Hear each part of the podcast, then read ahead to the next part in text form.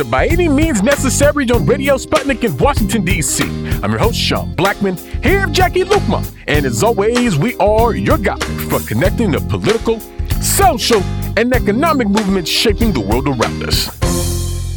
And today, on By Any Means Necessary, we'll talk about the uh, pending strike for the United Auto Workers Union.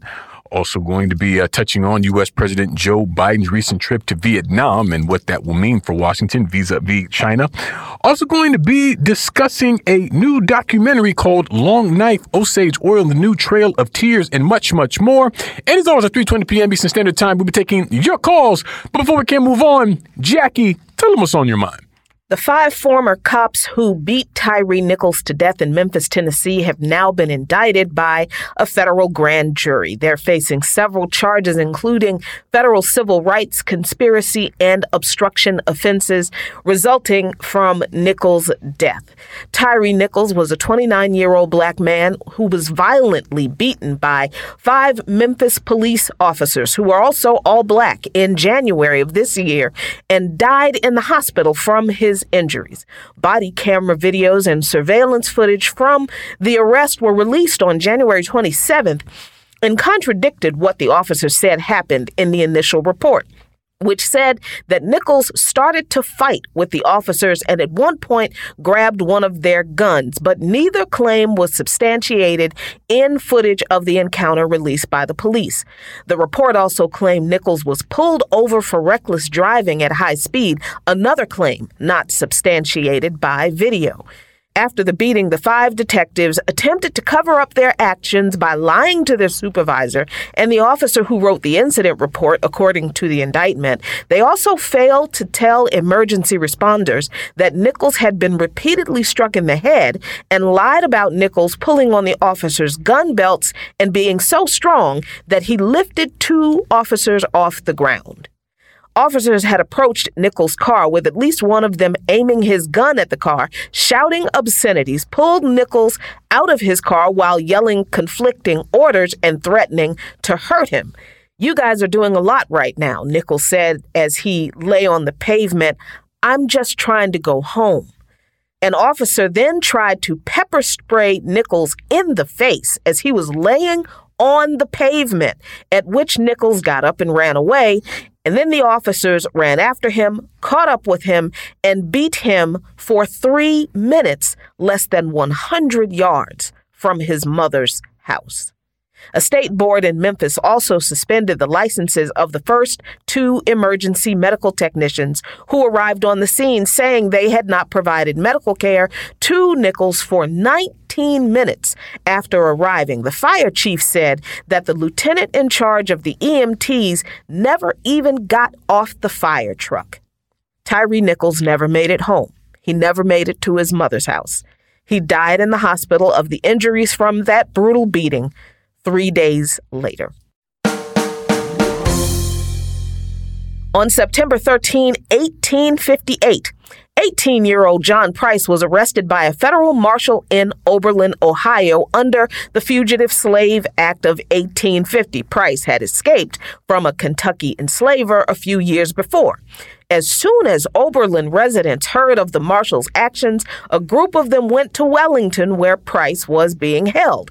After peaceful negotiations failed, they stormed the hotel, found Price, and took him to freedom in Canada in what became known as the Oberlin Wellington Rescue. It is not known what happened to Price after he arrived in Canada, and you know what? Who cares? Because he was free. 37 of the abolitionists, all white men involved in the rescue, were arrested for violating the fugitive slave law. And they didn't care because they did what they believed was right, and that's what allies look like. You know what else allies look like? a pastor named Andy Oliver of Allendale United Methodist Church in St. Petersburg, Florida, which is a predominantly white Florida church, is offering his church as a space to teach an advanced placement African American studies course rejected by the Florida Department of Education due to course content the DeSantis administration considers indoctrination. In an interview with the Christian Post, Oliver said, quote, "We have an important job as Christians to know our history, to know the history of harm specifically that African Americans have experienced in this country.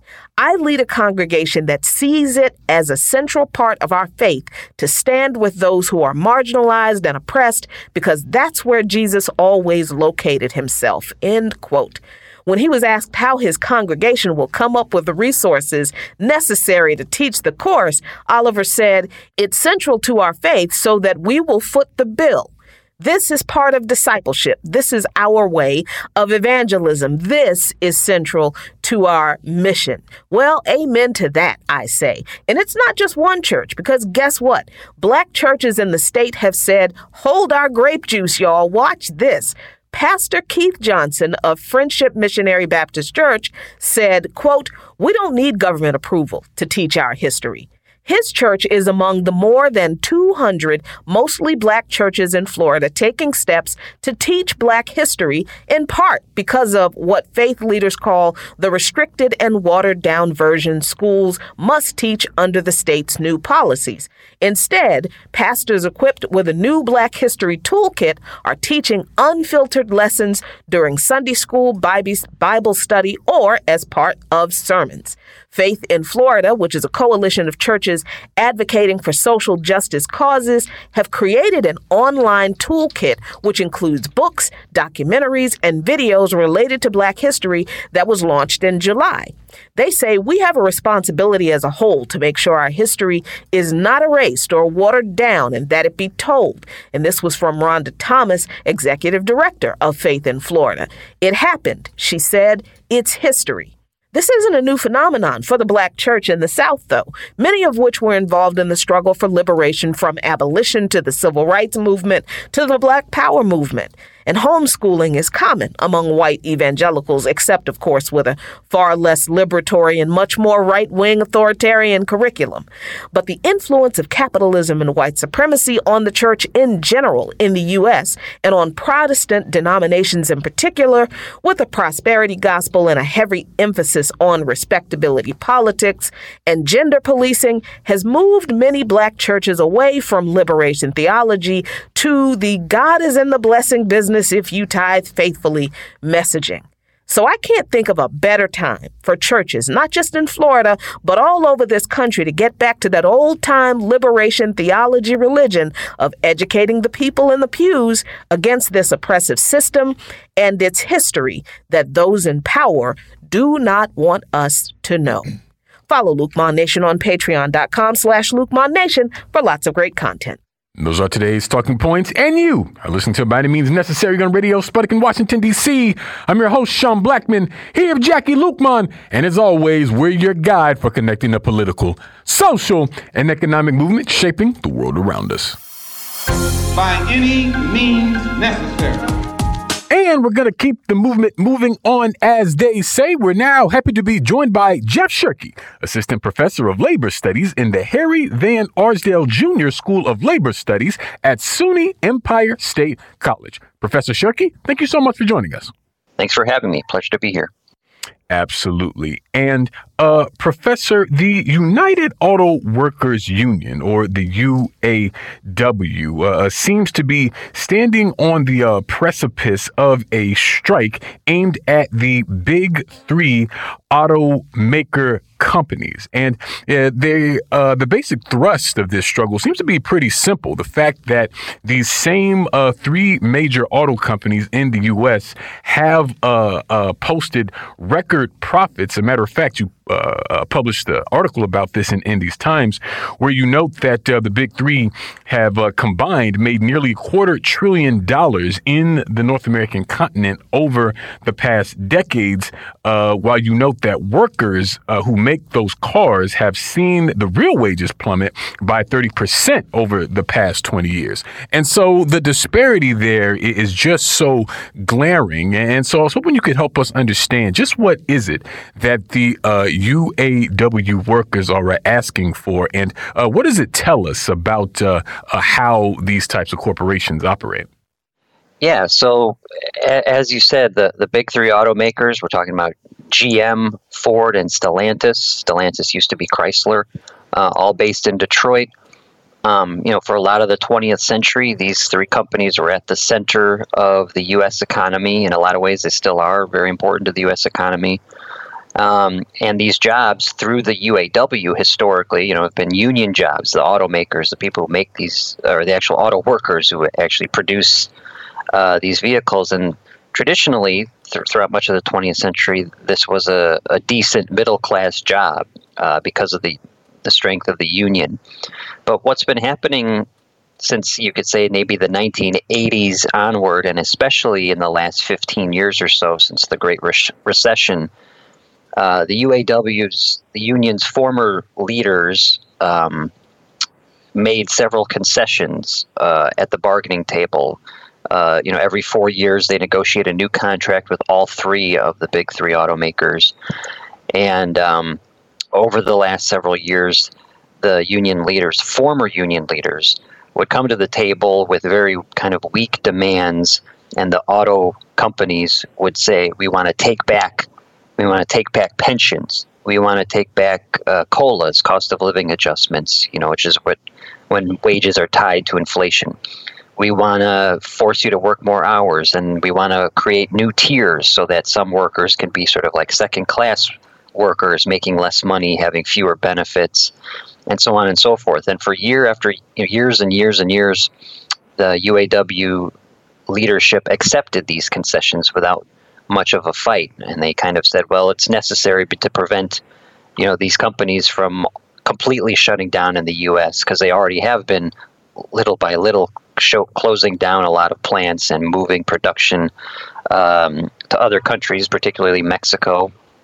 where they pay workers far, far less and exploit people uh, as much as they possibly can. But the membership of the UAW, uh, the auto workers themselves, finally had enough of all these concessions. And um, and at the same time, I should mention the former UAW leadership was embroiled in all kinds of corruption scandals. At least two of the union's former presidents in recent years have gone to prison for embezzling the union memberships, uh, the, the dues money from the membership and using it for their own personal enrichment. So the membership was fed up, and just uh, I think it was maybe a year ago, they pushed through the rank and file pushed through a new um, change to the union's constitution that would allow the rank and file members to be able to directly vote for the union's top officers, including the union's president. Before then, it had always been uh, delegates at the union's conventions or you know members of the the top executive board of the union that would make those kinds of decisions of who would be in charge. But they pushed through, rank and file pushed through this change that allowed them to directly vote for the union president and other top leaders. So then this March, they elected Shawn Fain um, as the new president of the UAW, who he was backed by the rank and file. He's a reformer, just like the rest of them. He was fed up with all these years and years of concessions and this corruption among the union's former leaders. So now the UAW has new leadership, um, rank and file backed leadership, and uh, elected on the platform of saying we're going to stop all these concessions. We're going to try to get back some of the things we've lost over all these years, and especially in light of these record profits uh, that the auto companies have been making, like you said, $250 billion, a quarter trillion dollars in profits in North America alone in the last decade.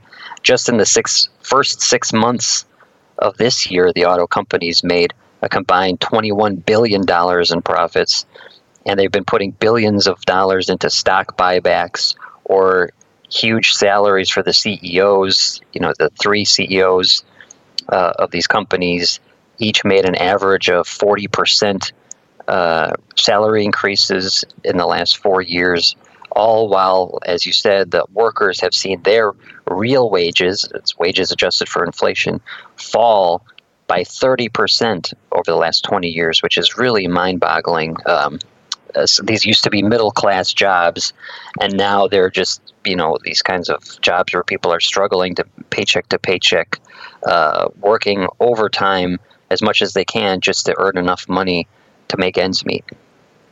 And Professor Schuhrke, you know, what is it that the uh, United Auto Workers are, are demanding that is so audacious and ambitious, as even UAW President Shawn Fain says that the big three claim they just cannot afford to give these workers, despite their record profits, that they're they're willing to risk a strike over. What are the workers asking for uh, uh, in these contract negotiations? Yeah, so um, a lot of it has to do with getting back the things that they, they used to have and that the former union leadership gave up. Um, you know, an obvious thing is just big raises, right? That that's kind of the most straightforward. As I said, the CEOs have made an average raise of forty percent over the last four years. So the union's saying we should make raises uh, raises of around 40% for all of our members over the life of the four year contract. So big, you know, double digit raises. They also want to get back the COLAs that I mentioned, the cost of living adjustments that they gave up in 2009 during the Great Recession when GM and Chrysler were facing bankruptcy or they filed for Chapter 11 bankruptcy. One of the most eye catching demands that's gotten a lot of attention and a lot of headlines is the demand for a 32 hour work week at 40 hours pay.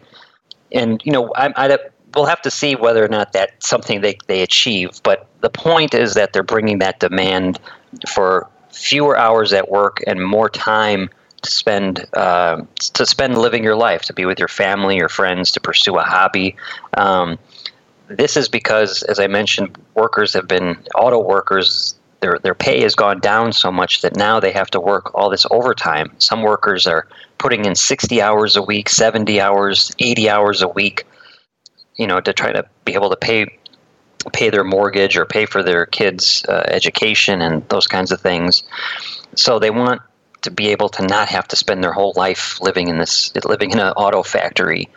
Um, and the idea of a 32-hour work week goes back um, to at least I think the 1930s or 40s. You know, for a long time, the labor movement fought for the eight-hour day, the 40-hour work week, and when that was finally achieved uh, through the Fair Labor Standards Act in 1938, a lot of unions started saying, "Okay, we got the 40-hour week. Now we need to keep pushing for even fewer hours." You know, um, but really the most important demand for for the rank and file workers is ending tiers the system that I said where where people get hired on at different um, under different terms. So you can have two auto workers, three auto workers doing the exact same work, but with different wage levels, different benefits, different job security because of tiers. So, just a quick example um, before 2007, any auto worker hired um, could reach the maximum wage rate within three years on the job,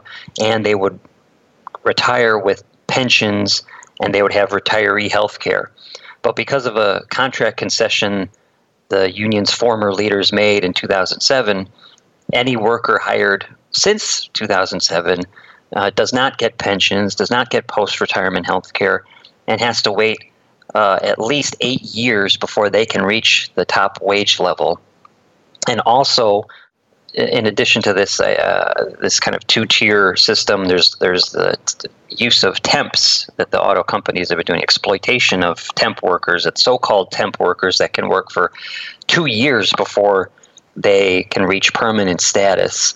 And when you're a temp, you don't really get any of the same benefits. The pay is as low as like $15, $16 an hour.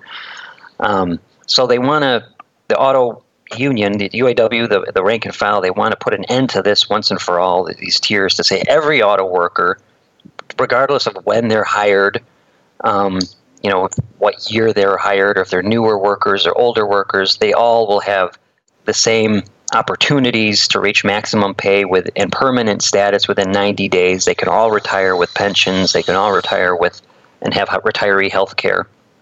So um, the end to tiers is kind of the biggest thing uh, for the workers. They also want the right to strike over plant closures. As I said, a lot of these companies have been closing down plants, moving them um, overseas. So they want to have the right to be able to fight back against that. And and they also are calling for uh, the creation of what they call a working family protection program, um, where if a factory is shut down, um, the workers, instead of just being laid off, the companies would have to keep paying them to do community service work.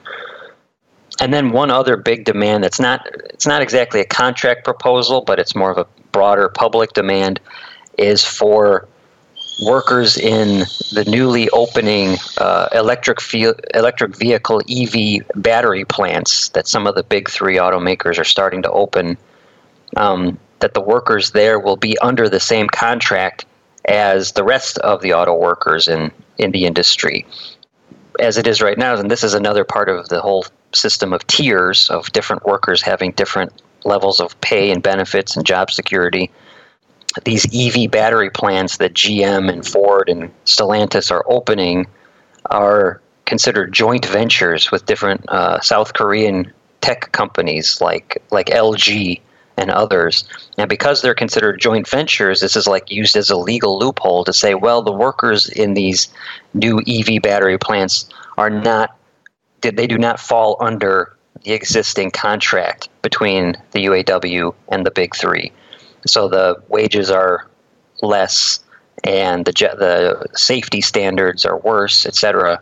So the UAW is saying all workers, um, especially you know workers in these kind of jobs of the future of you know the green economy and so on um, in the EV battery plants should have the same good standards that any other union worker has. Um, so that's just some of the major demands, and it is you know, it's it's really different from the U, UAW's previous pattern of going to the negotiating table with, as I said, kind of uh, relatively weak demands or vague demands, um, and just kind of accepting lots and lots of concessions. This time, they're coming out strong. They're much more aggressive. They're saying we have very clear demands. We want a lot. You know, they might not get everything, but they're going to get a lot more than they they would have if they came to the bargaining table already, you know, ready to surrender, which is kind of how the pattern used to be. Yeah, and uh, Professor, uh, of course, this is coming not long after the uh, UPS uh, contract that was won when they also came to uh, uh the brink of striking, but but ended up uh, coming to an agreement just beforehand. And also, I would say a part and parcel of a trend that we've been seeing at least since from the uh, onset of the coronavirus pandemic, where we started to see a lot of corporations make similar record profits with basically none of it uh, uh, being passed on to the workers who actually made that happen. And so I'm curious how you sort of situate uh, what's happening with the UAW workers. How do you situate that with uh, some of the other uh, uh, sort of vibrant labor struggles we've been seeing here in the U.S. in recent years? Yeah, a lot of it, I think, does have to do with the experience that workers had, workers in all different types of industries and sectors during the pandemic.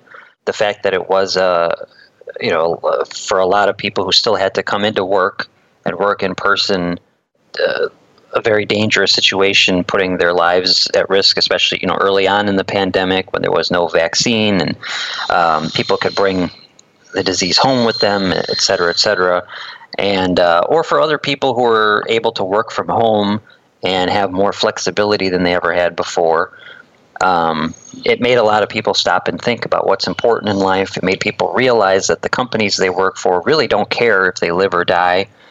And and yeah, a, a lot of companies continuing to make record profits. If not, you know, some of them like the auto companies took a a little bit of a hit during early on in the pandemic um, because people weren't uh, buying cars as much. But then coming out of that, a lot of these big corporations started using the excuse of inflation to, to engage in price gouging. So, like the price of cars has gone up significantly, something like 30% in the last few years, um, coming out of the slowly coming out of the pandemic. Uh, but again, the and that's part of what's contributed to these record profits for the companies, but the workers haven't seen any of that benefit. And it was a similar situation at UPS a very profitable company, workers uh, doing you know vital labor for the economy, um, putting their lives at risk during the pandemic, uh, and not seeing any kind of uh, reward for that. Um, and you know, you could even see some similarities in uh, the writers' strike, the actors' strike, how these uh, studios and streamers are also making huge amounts of money. You know, a lot of people during the pandemic were staying home and they were kind of uh, traumatized, scared about what was happening. And what did a lot of people do? We were watching TV, watching movies, and enjoying all the creativity that these writers and actors, uh, you know, the, the labor that they do. Um, but they often don't get uh, especially with streaming, they don't see any residuals from that. So, just a lot of workers realizing how exploited they are. Another aspect of this is just a younger generation of workers um, who uh, just tend to be uh, politically more more progressive, more on the left. Um, generation of people who haven't seen the same opportunities, economic opportunities that their parents might have had or grandparents, um, especially with the decline of unions in the last 30 to 40 years. And uh, there was one other one that I can't remember now, another uh, cause uh, for all this? Well, yeah, I guess it goes back to the democratization of some of these unions. The UPS, you know, that was the Teamsters, and the president of the Teamsters, another Sean, uh, Sean O'Brien, uh, had just been elected, uh, I think, about a year or two ago, as a also as a reformer. You know, the previous contract between UPS and the Teamsters a few years ago under the Teamsters old leadership did not go nearly as far as the rank and file wanted. And a lot of the rank and file members were angry that that contract was kind of forced on them. So uh, they ended up voting in new leadership in the form of Sean O'Brien, who took a very aggressive approach to bargaining at UPS. And you see the exact same kind of pattern with the UAW with Shawn Fain. So that, that's just another aspect of it of the rank and file of existing unions wanting their leaders to actually fight and be more militant and um, and using union democracy to put in leaders who are going to who are going to do that at the bargaining table. Absolutely. Well, we thank you so much, Professor Schuhrke, for joining us today. We're going to leave it there and move to a break here on By Any Means Necessary on Radio Sputnik in Washington, D.C. We'll be right back, so please stay with us. By any means necessary.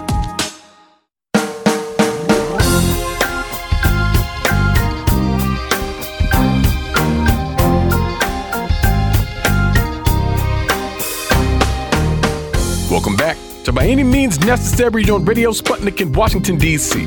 I'm your host, Sean Blackmon, here with Jacquie Luqman. And as always, we are your guide for connecting the political, social, and economic movements shaping the world around us.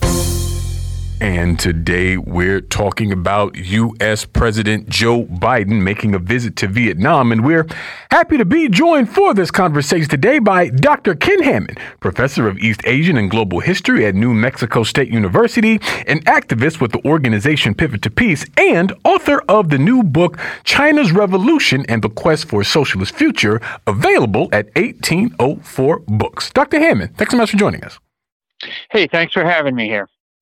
Absolutely. And uh, Dr. Hammond, uh, U.S. President Joe Biden uh, recently took a trip to Vietnam to uh, basically open up a kind of new strategic relationship with uh, this country that uh, the U.S. carried out a, a genocidal war against just a few decades ago.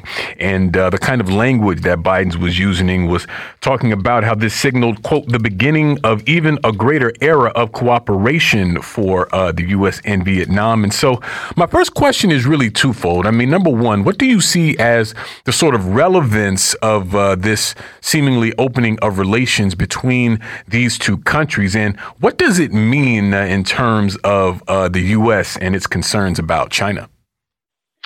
Well, this is this is, I think, the latest um, effort or the latest um, version of the ongoing efforts of uh, the Biden administration to, you know, try to try to develop uh, some sort of alliance or a set of relationships, some some uh, you know uh, coalition, if you will, of countries that that the United States hopes it can uh, it can cajole or coerce into cooperating with America's efforts to to you know contain China, uh, derail its development, uh, you know, sort of uh, thwart its efforts to reemerge as a significant force in, in global affairs.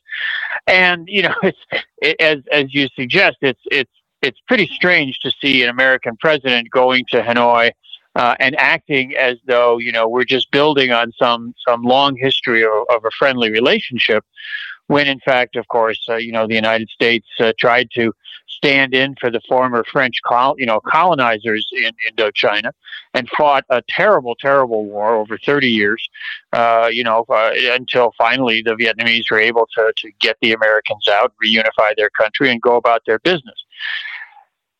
True that there are historical tensions on occasion between China and Vietnam. And the United States is clearly hoping that it can exploit those and try to drive a wedge between Vietnam and China as, as part of its overall campaign of, of trying to isolate and, and demonize China. But I think that, that it's important to note that even though this, you know, this uh, a new agreement that was signed sounds very uh, sort of impressive in, in its in its rhetorical uh, framing. it's actually exactly the same level of relationship that the United States maintains with China.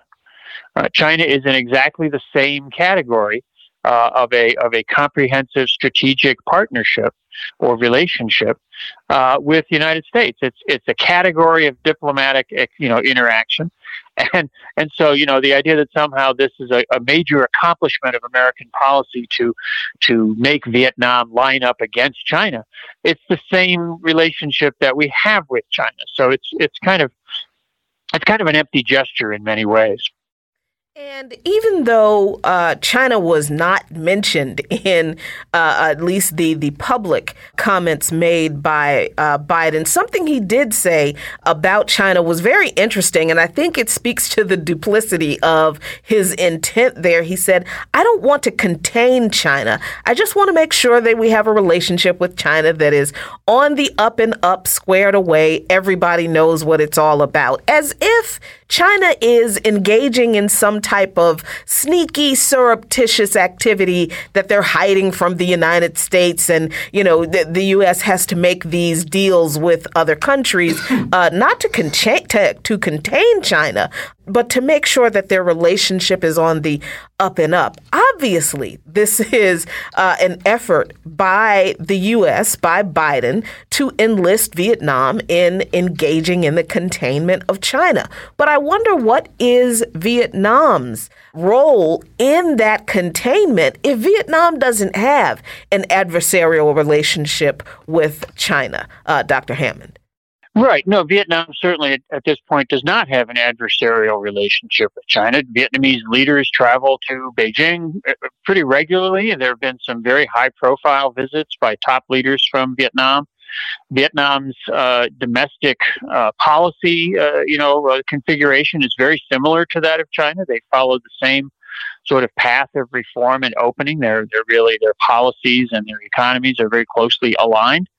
Uh, and and you know, of course, a lot of uh, the the processing that goes on in factories in Vietnam uh, is linked to supply chains that uh, that come down out of China. So these these they're politically close, they're economically close, they have some conflicts. They have some disagreements. Uh, there, there are some conflicting claims over access to particular regions within the South China Sea, for example. But those are things that both sides are discussing. They're negotiating about. They're part of the ongoing relationship. So, this idea somehow that that Vietnam is is you know ripe for the plucking by American clever diplomacy to to you know to become a bulwark of anti-Chinese uh, containment is is is kind of ludicrous. Uh, you know, Vietnam, of course, is is itself a developing economy. It needs uh, investment. It needs access to international markets. So it wants to maintain, you know, a reasonable relationship with the United States, given the power that the U- U.S. still wields in global affairs, especially economic affairs. So I think Vietnam is is navigating a a complex you know, route of, of diplomatic relations, uh, trying to maximize its interest as, as countries will tend to do. Uh, but it's certainly not, you know, positioning itself as, as hostile or aggressive towards China. Uh, I mean, not only is that unrealistic, it, it would be foolish uh, because China's right there. They're they're neighbors, and they and they have this very close uh, these close linkages, as I say, both in, in political and economic and indeed cultural spheres.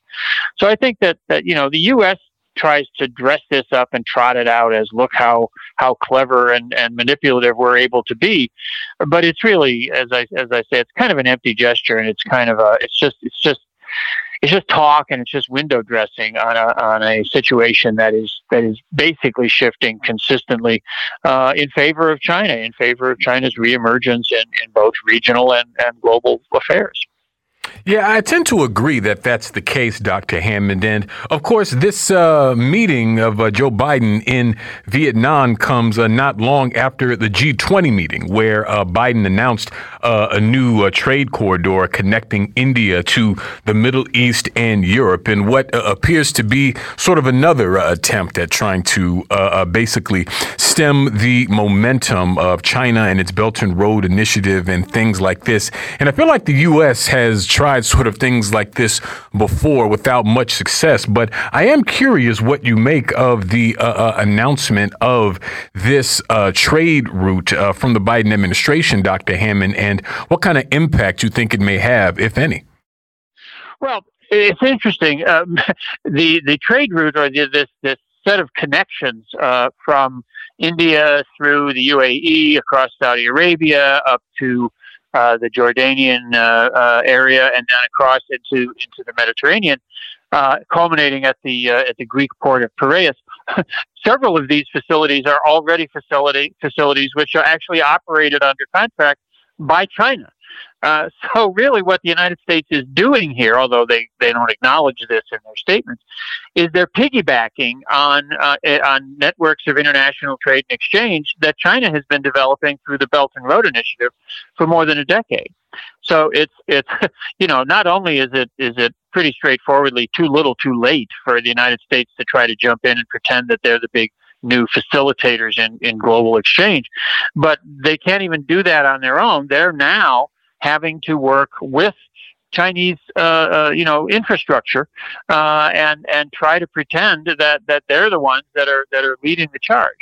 You know, I mean, obviously the U.S. is courting India, uh, and of course that's extremely ironic in its own right, given uh, the abuses of human rights, the, the, the you know the just the flagrant anti-democratic quality of, of the Modi regime there.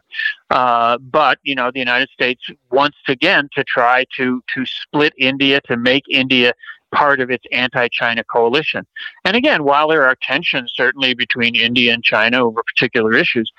India has lined up pretty consistently with China in terms of, you know, resistance to American domination, refusal to back American and NATO expansion that has led to the war in Ukraine, things like that. So this is just another effort to try to to dress up uh, a a failing uh, policy, uh, you know, in in some sort of uh, press release uh, uh, hype that really doesn't doesn't amount to a lot. It doesn't have a lot of substance to it.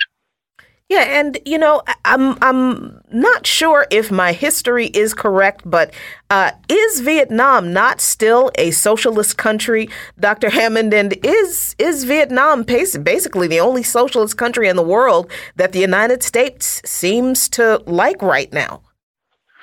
Well, yes, certainly Vietnam. I think uh, you know, as I say, their their economic uh, and, and, social model is very similar to that of China, and, and uh, China certainly is on its socialist path. Vietnam, I think, is on its socialist path.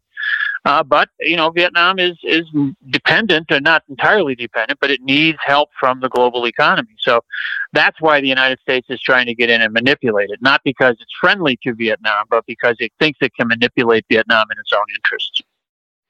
Definitely. Well, we thank you so much, Dr. Hammond, for joining us today. We're going to leave it there and move to a break here on By Any Means Necessary on Radio Sputnik in Washington, D.C. We'll be right back, so please stay with us. By any means necessary.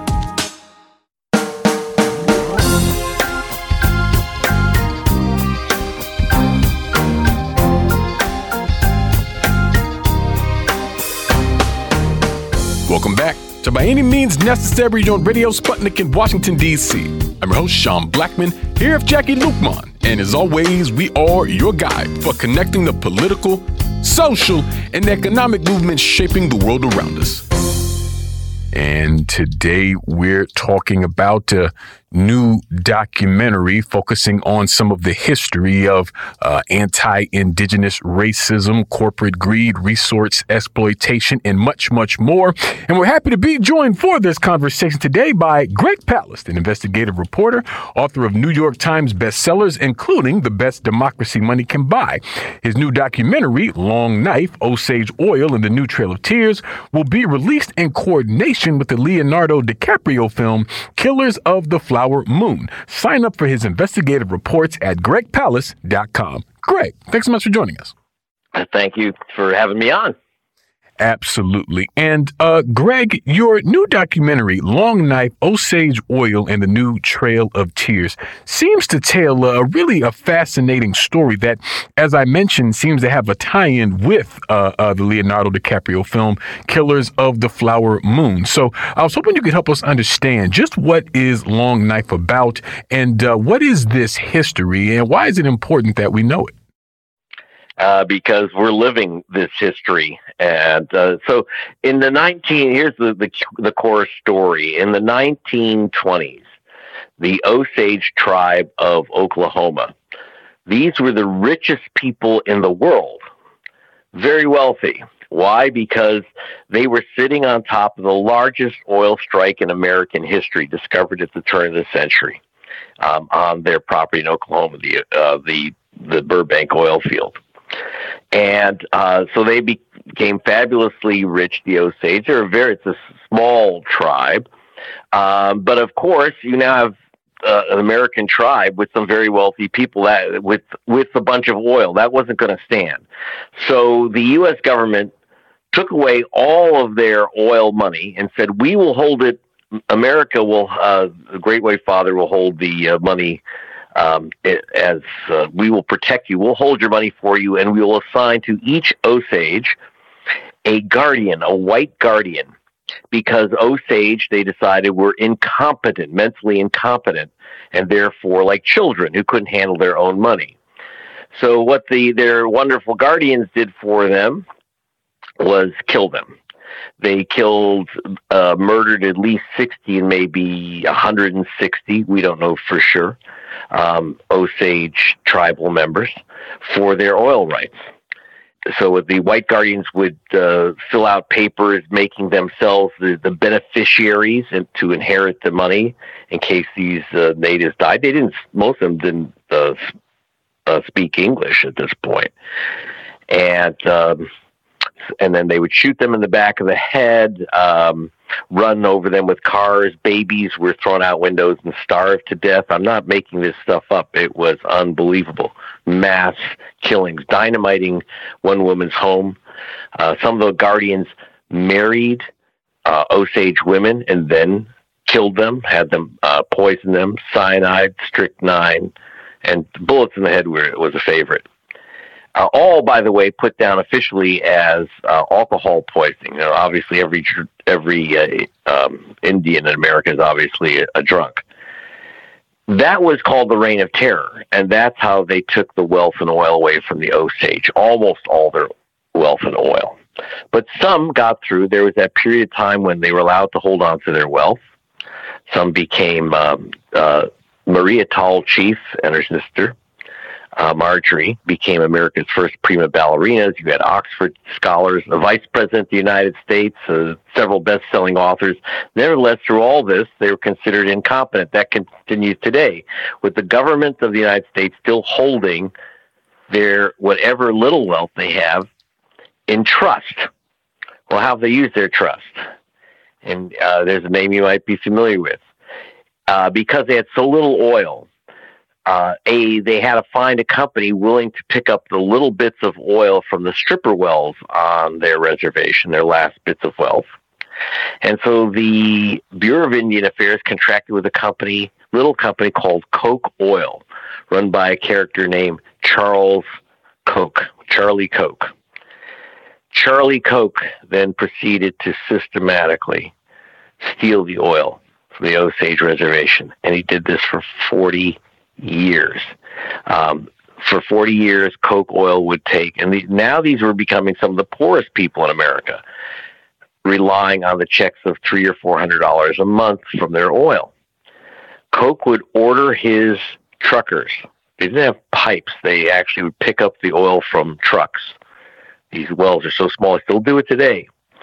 Um, and uh, just Charlie Koch would say, I want more overage. He called it overage, is what he called the theft. He stole over a billion dollars worth of oil, more likely two and a half billion dollars worth of oil from the Osage.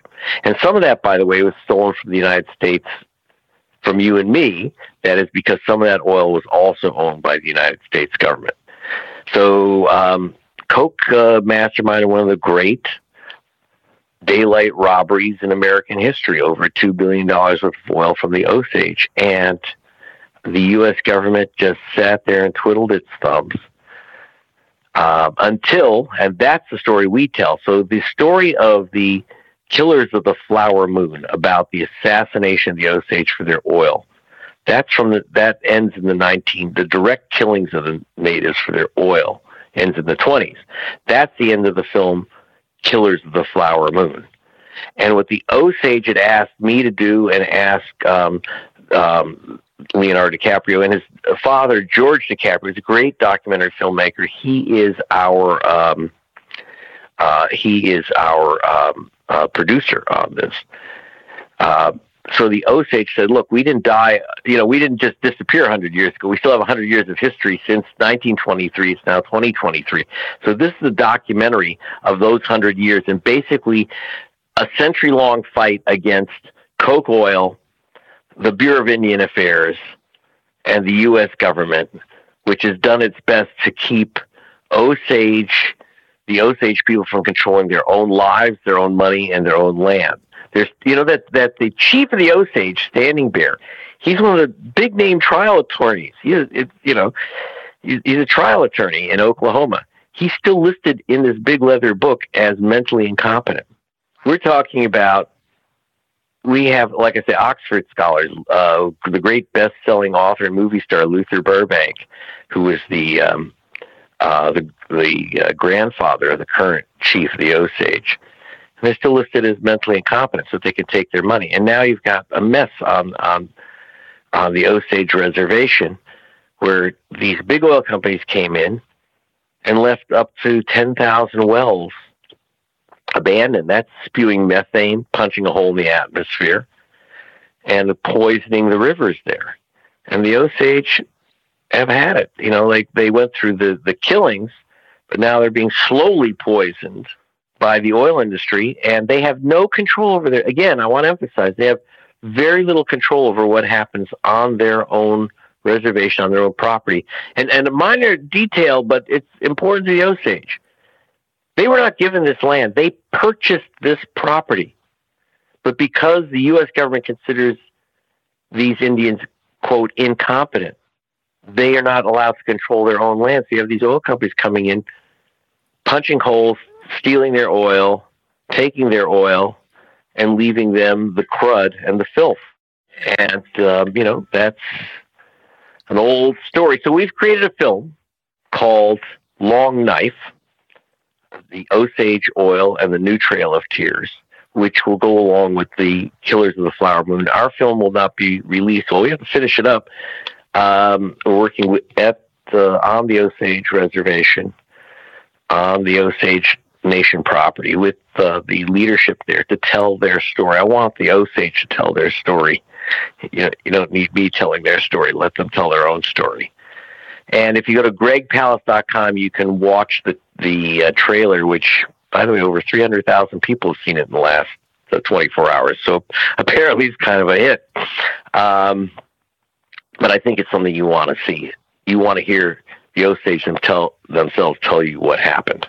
Absolutely, Greg. And, you know, you say in the documentary that Charlie Koch was about to be indicted for theft from the Osage, but we don't want to give away too much because we want people to watch the documentary. But but what happened?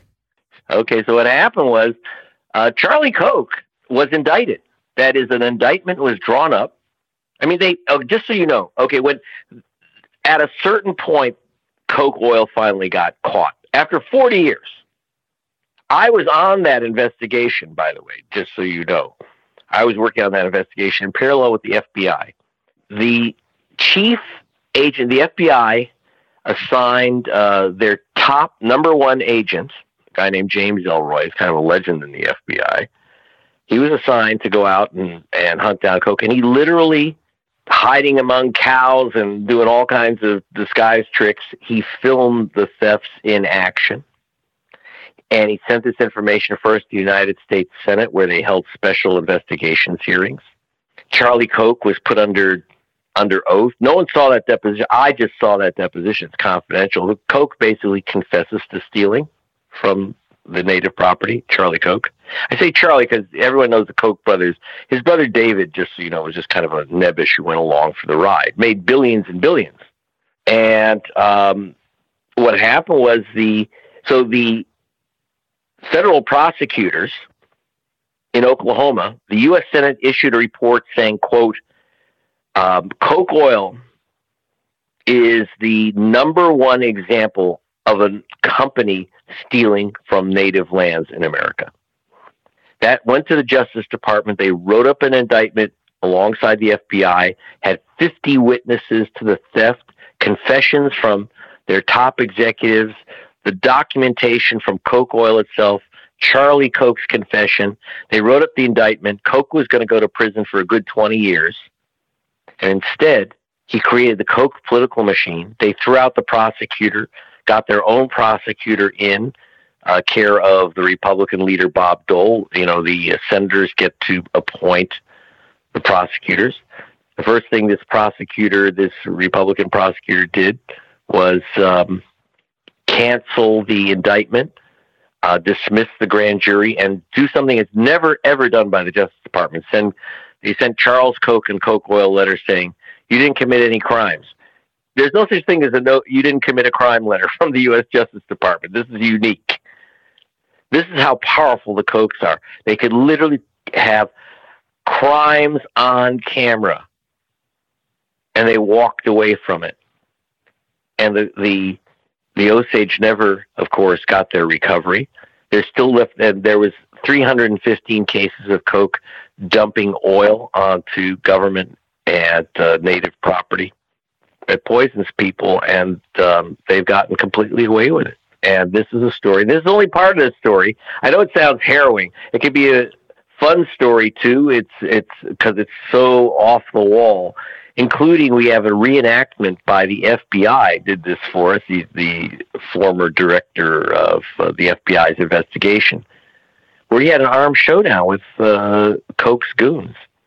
It was unbelievable. You, you and I did pulled off like I had a U.S. federal prosecutor tell me over the weekend. The U.S. federal prosecutor who was in charge of the Senate investigation say you or I would go to prison, forget the theft of the oil, just for obstruction of justice, obstruction of a congressional hearing. This is what Donald Trump's been charged with, right? the January 6th obstruction of, of a congressional proceeding. They did this with um, the U.S. Senate. That's what Trump was charged with Koch oil, Charlie Koch literally sent the chairman the hired the chairman of the Democratic Party, Bob Strauss. The chairman of the Democratic Party went into United States Senator Dennis DeConcini's office. He was uh, from Arizona. He was the chairman of the U.S. Senate Committee investigating Koch oil. And Said if you dare say that Koch oil stole from the Osage natives, Charlie Koch will spend whatever it takes to destroy your political career. DeConcini blew him off, issued the report that Koch had stolen the oil, and um, yep, they went out and they destroyed DeConcini's political career. That was the end for him. You and I pull a threat like that against the United States Senator to obstruct a hearing, to obstruct an FBI investigation. They sent armed people to to tail the FBI agents. If you can imagine, there were 50 FBI agents. They were hunting down FBI agents. You and I do that. Well, let's put it this way: the chief FBI agent put a gun to the head of one of his people, to one of uh, Charlie Koch's uh, goons, literally put a gun to his head and said, "The next time Charlie Koch sends some armed idiot to to hunt me down, they're going to be returned to Charlie in a bag." Get that across. That's what it came down to. This is this is, you know, look, you know, when people talk about the Koch, they can't imagine. This is the origin story of the Koch crime wave. If you go to gregpalast.com, and that's G R E G P A L A S T, gregpalast.com, it's a, it's a 90 second uh, trailer. Take a look at this and help us get that film out, and it will be out at the beginning of next year. It will explain what happened to the Osage after this. It's a fabulous film, Killers of the Flower Moon. It's very, very important. The Osage wants you to see this film, but they also want you to know they didn't disappear 100 years ago. The film may end, they continued, and then they became the, you know, preyed upon by Koch oil. Definitely. Well, we thank you so much, Greg, for joining us today. Definitely want people to check out the trailer for Long Knife, Osage Oil, and the new Trail of Tears at gregpalast.com.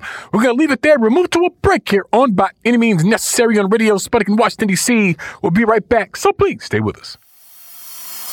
By any means necessary.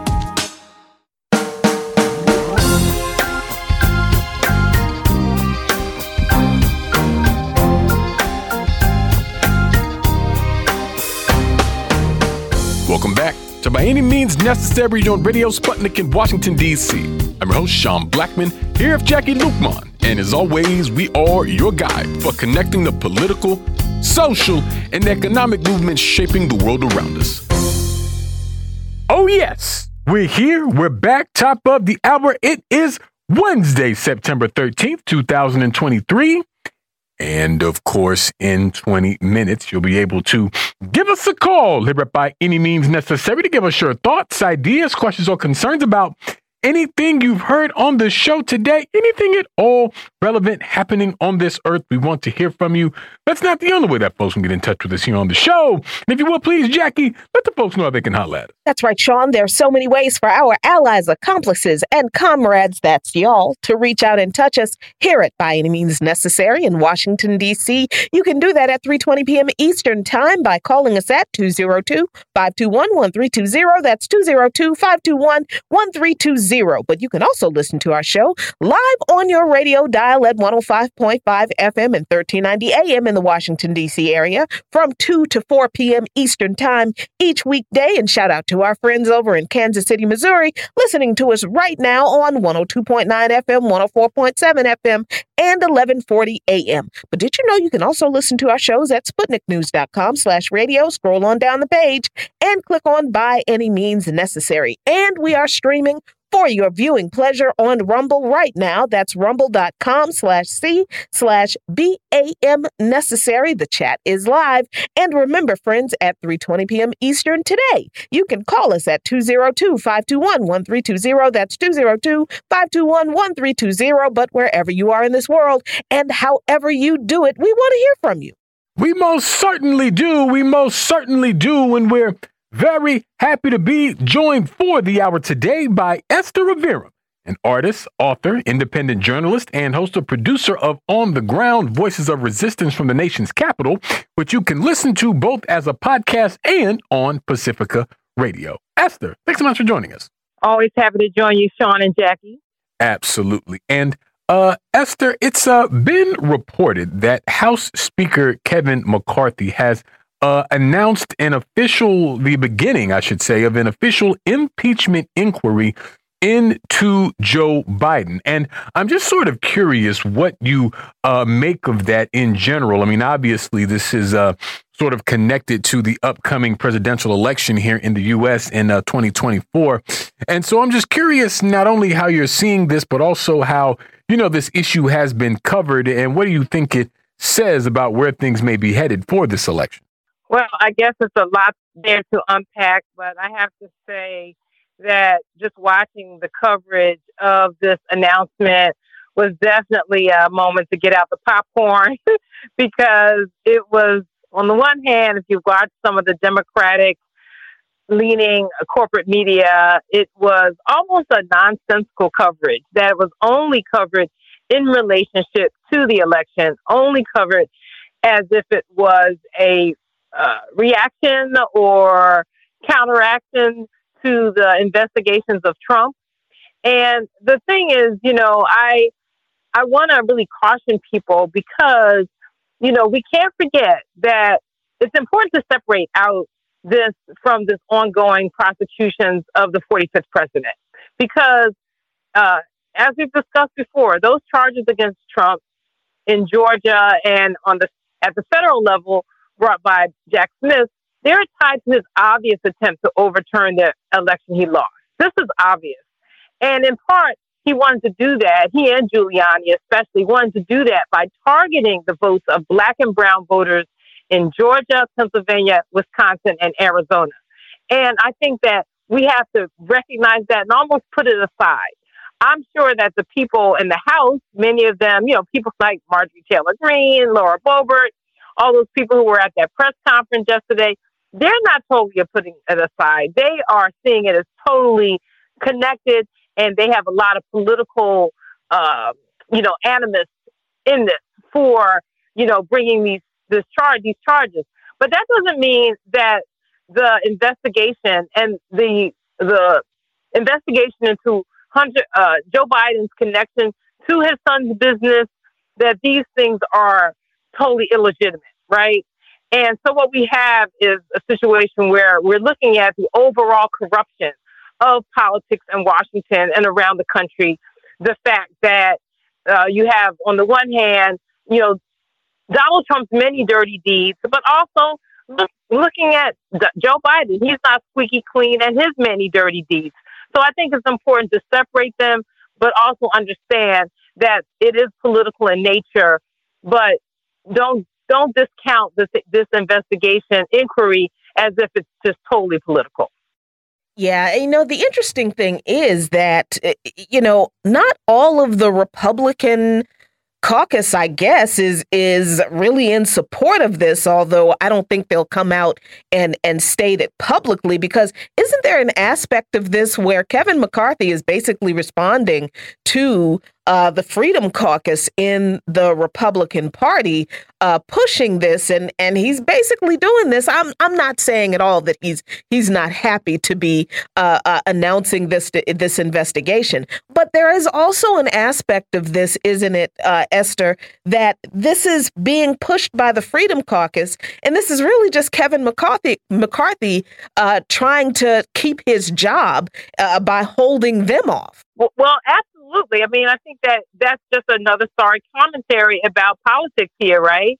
Just like you have in the Senate, the uh, senator from Alabama holding up all of the like military appointments and promotions. One person able to do that.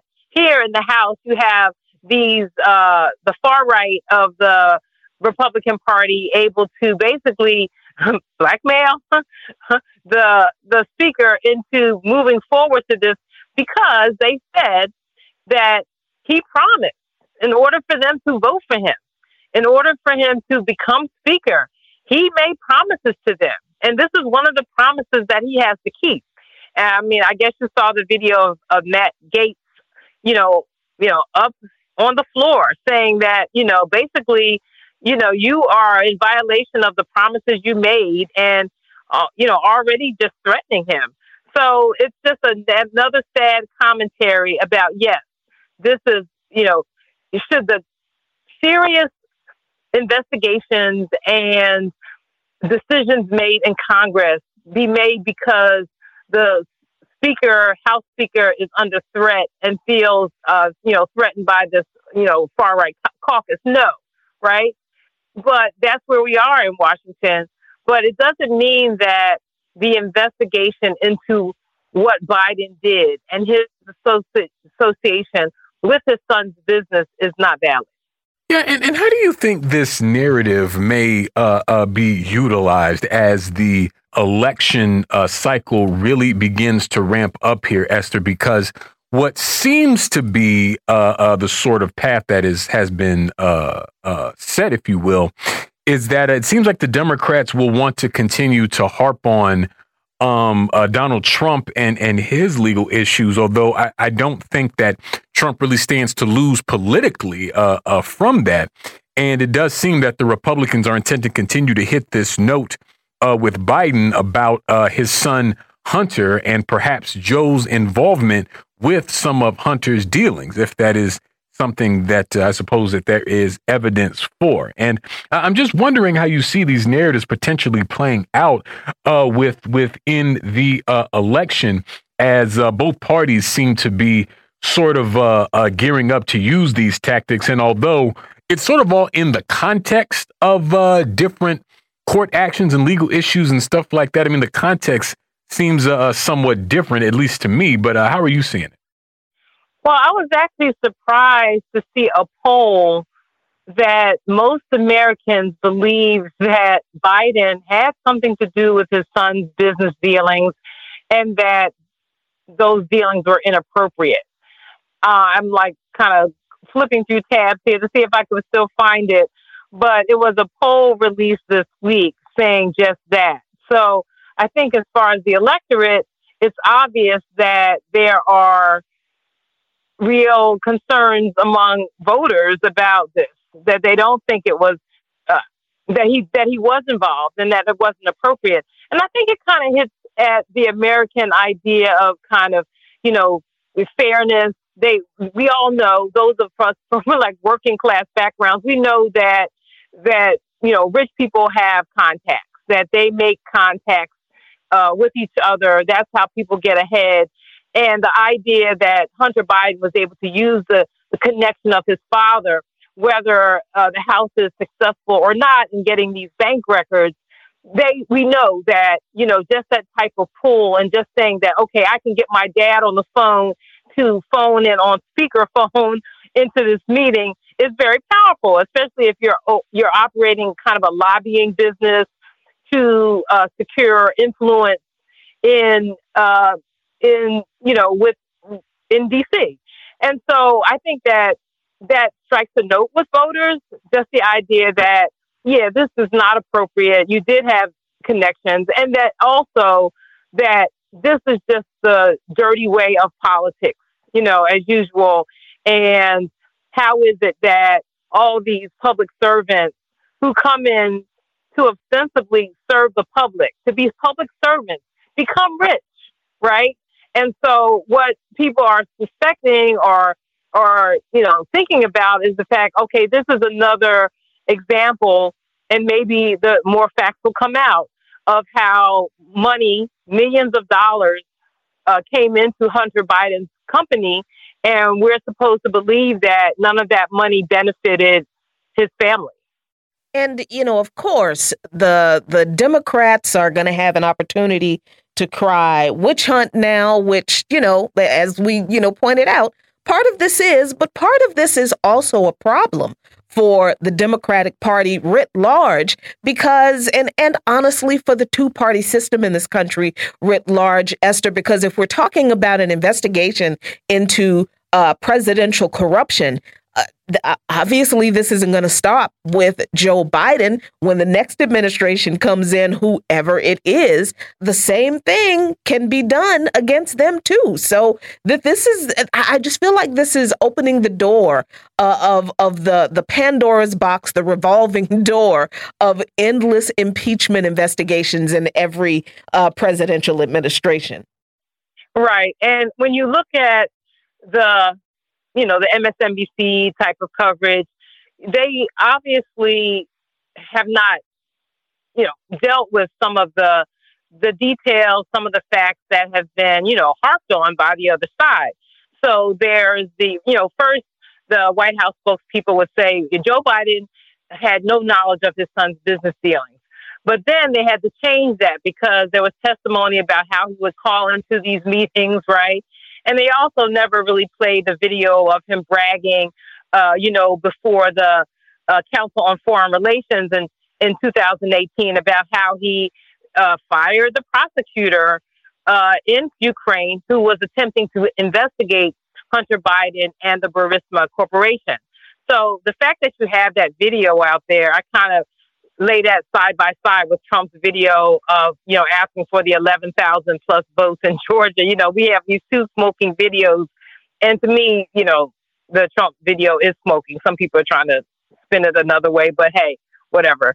And I just think that, that yes, you know, what you're saying is true that it just goes to all the corruption and dirty dealing. And if you watch the the coverage on TV, it's like you're you're you're li- you're looking in two different universes, right?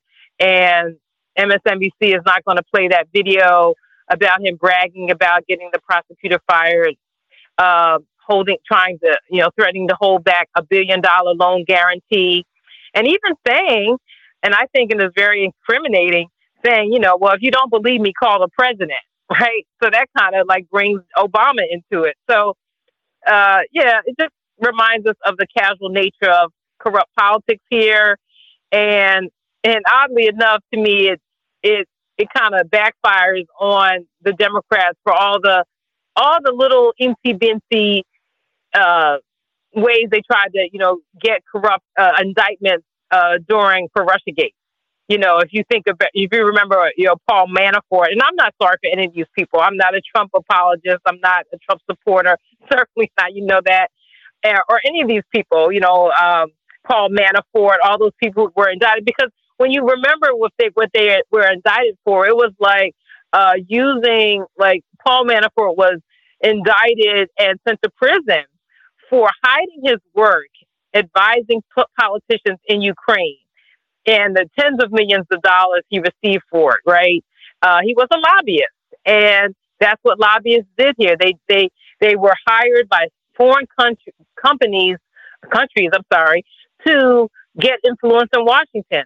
And so, what is all of this happening now? It's about influence in Washington, and and somehow the connections of the connection of the Bidens to get that influence and to get contracts and to you know, to make money. So, right, it's just back and forth.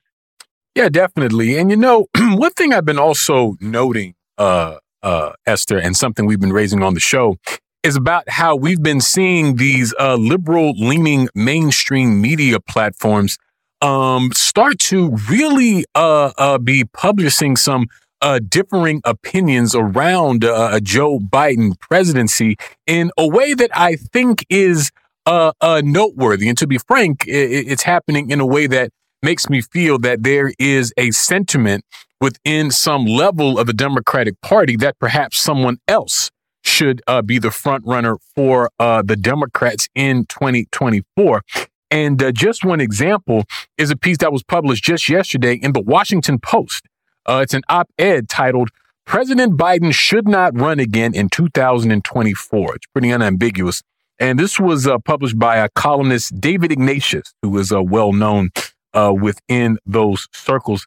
And he spends the first couple of paragraphs talking about, you know, what he considers the accomplishments of the Biden administration. And he also said, What I admire most about President Biden is that in a polarized nation, he has governed from the center out, as he promised in his victory speech. With an unexpectedly steady hand, he passed some of the most important domestic legislation in recent decades. In foreign policy, he managed the delicate balance of helping Ukraine fight Russia without getting America itself into a war. In some, he has been a successful and effective president. But I don't think Biden and Vice President Harris should run for reelection. It's painful to say that, given my admiration for much of what they have accomplished. But if he and Harris campaign together in 2024, I think Biden risks undoing his greatest achievement, which was stopping Trump. Biden wrote his political testament in his inaugural address. Quote, when our days are through, our children and our children's children will say of us, they gave their best, they did their duty, they healed a broken land. Mr. President, maybe this is that moment when duty has been served. And so it it goes on and uh, uh, even talks some about these uh, polls that I'm speaking to. It says Biden would carry two big liabilities into a 2024 campaign. He would be 82 when he began a second term. According to a recent Associated Press NORC poll, 77% of the public, including 69% of Democrats, thinks he's too old to be effective for four more years. Biden's age isn't just a Fox News trope, It's been the subject of dinner table conversations across America this summer. And so this is someone who, while giving full throated like admiration and appreciation to uh, the Joe Biden uh, uh, presidency, although I think it's noteworthy that he says that his most, uh, basically his greatest achievement is stopping Trump, not actually doing something for the American people. But even be that as it may, and of course, we don't quite know what will happen ultimately with this election. But the fact that we have uh, uh, commentators on these major platforms making these sorts of statements, and this isn't the, the the first one that we've seen. I feel like we're seeing a lot of, you know, uh, anonymous quotes and things from insiders to this end also. And uh, I think it just shows a lot of what, you know, I think the three of us here and, and many others have been saying for a long time is that like Joe Biden is not a, a viable candidate in uh, 2024. And of course, the Democrats' issue is that they don't have much of a uh, reserve of uh, exciting candidates to put up. And so, I mean, I could ramble on and on about this, uh, Esther, but I mean, it does feel like there's uh, some tension around the idea of another Joe Biden run um, within certain uh, uh segments of the ruling class. And I think depending what path they may go on may really have an impact on their fate as an institution. You know what I mean? Well, absolutely. And I think that what you're saying could be connected to our first subject around this uh, investigation. Uh, it's it's not clean. It's not an open and shut case that oh no he's he's squeaky clean and they're just picking on him. You know, it looks bad. It looks bad for him. And it could be that most of his supporters, if they're just listening to NPR or or you know MSNBC, they don't know anything about it. They to them it's all bogus. It all came out of nowhere, and it's a lie. But it's not a lie. So uh, you know, people who know the facts, who've been really following the case, and when you go back you know, there's lots of documentation, even in just regular corporate media, that uh, when all these things were happening back in real time about the the his speech before the Council on uh, Foreign Affairs and uh, Relations, and you know all these things, they're there. So, you know, he can't hide from them now. Uh, they're just all coming out, and it's as if no one thought thought that it would. Definitely. We're going to move to our first break of the hour on that note here on By Any Means Necessary on Radio Sputnik in Washington, D.C. We'll be right back, so please stay with us. By any means necessary.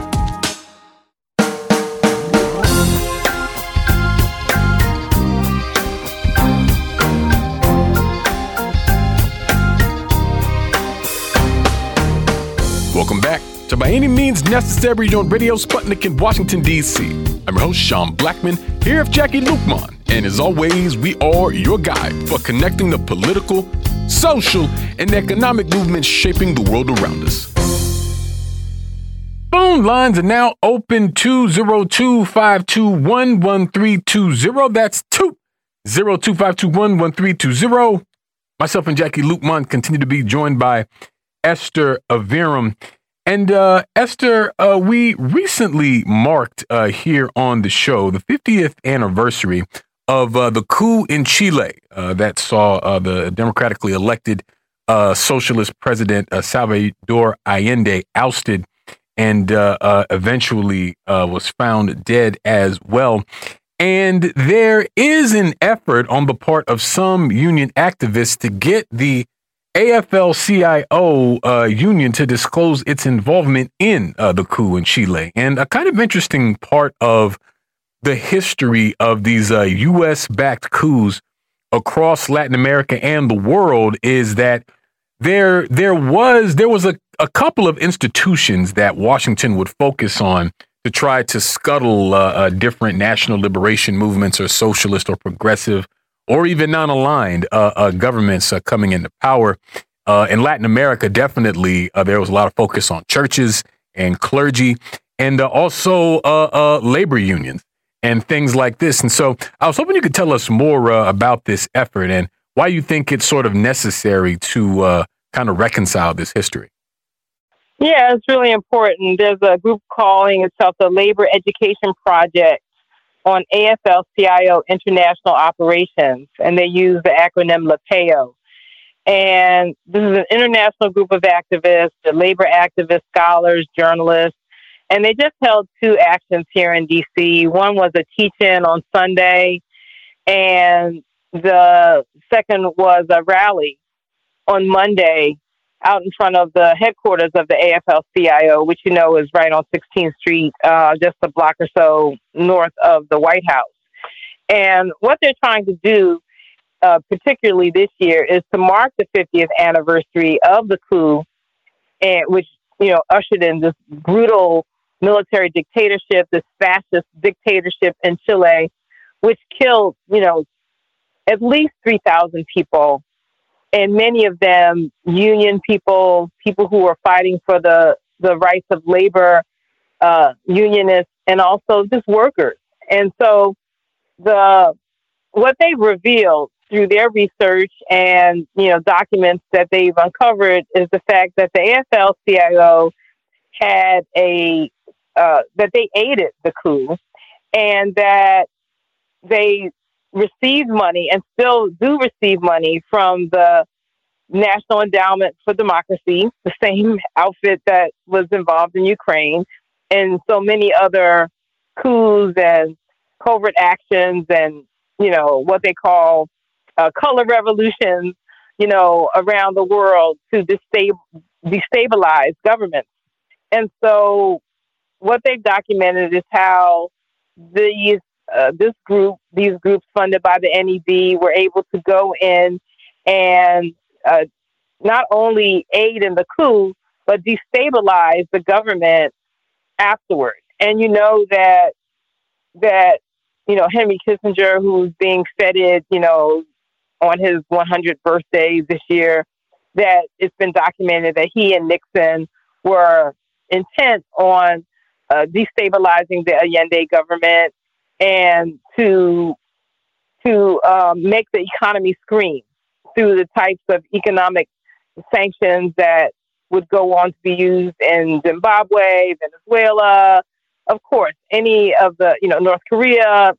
The list is endless, right? How many co- countries are under U.S. sanctions now? Like it's something like 144 countries.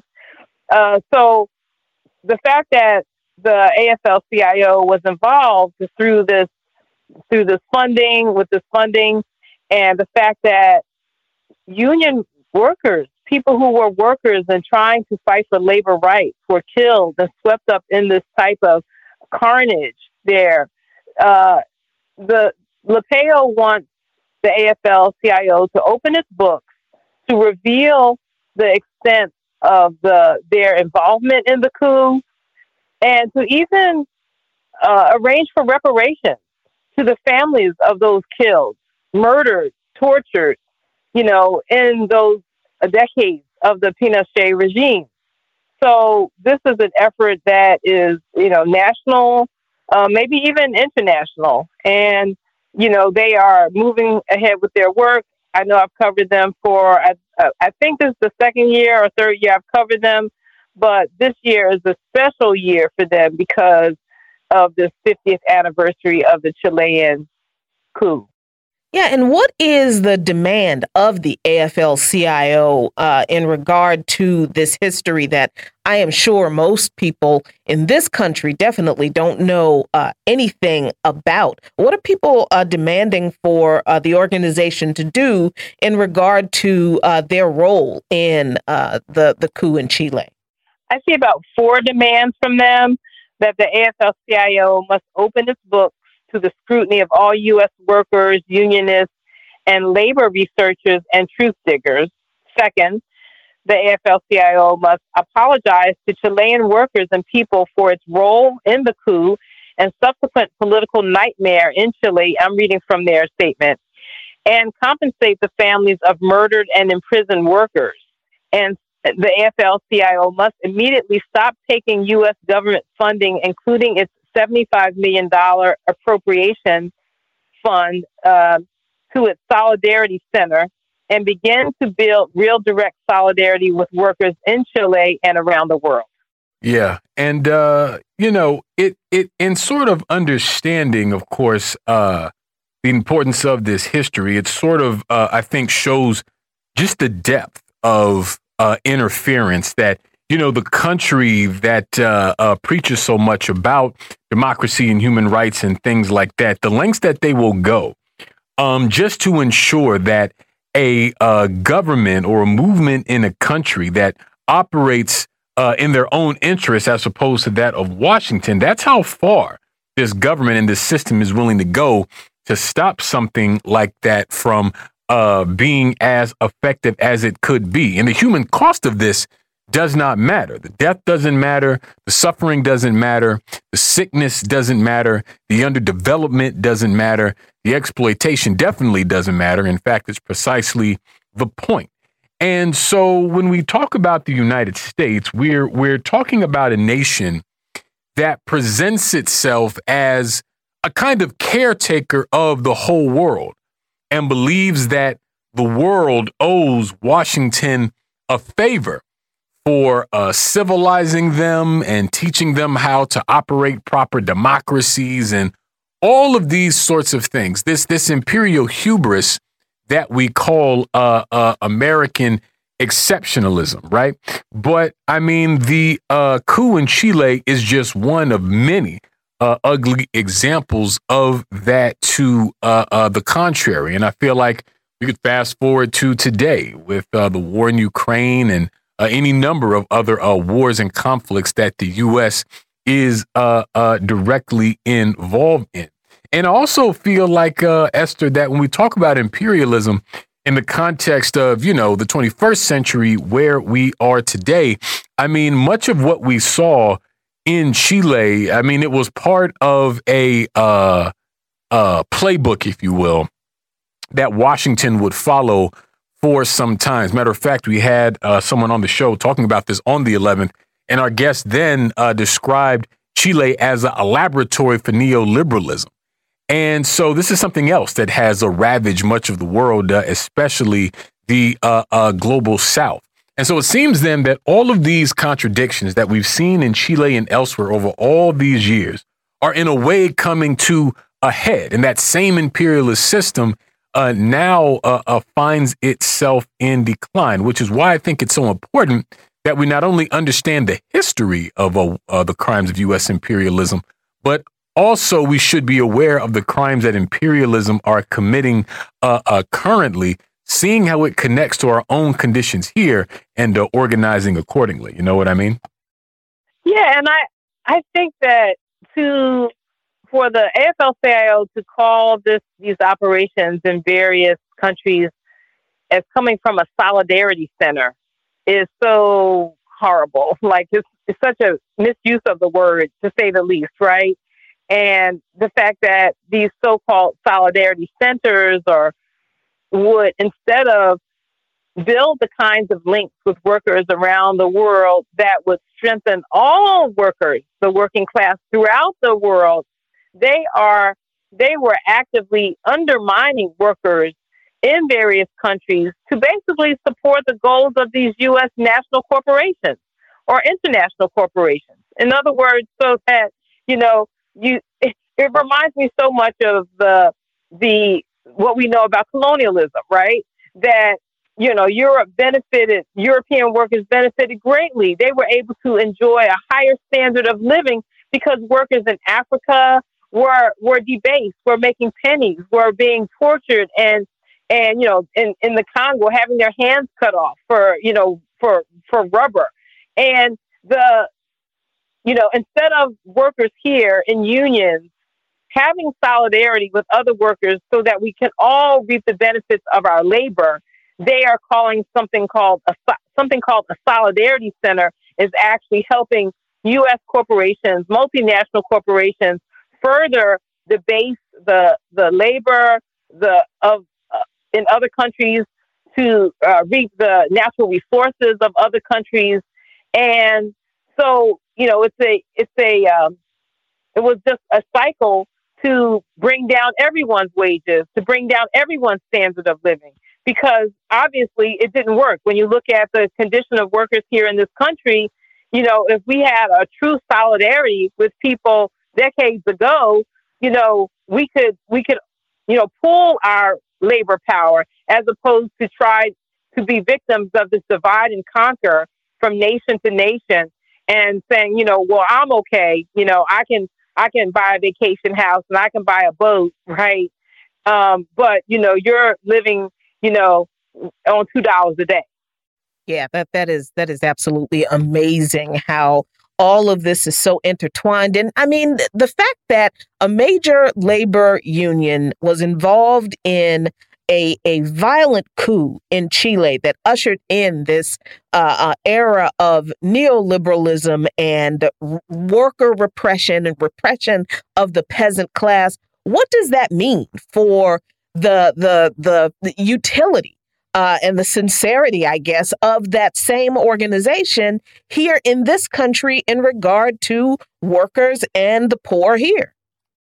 Well, I know that, you know, because I spent some time, you know, working in, you know, a union, and I know that it's, we know that the labor movement here has been very much compromised.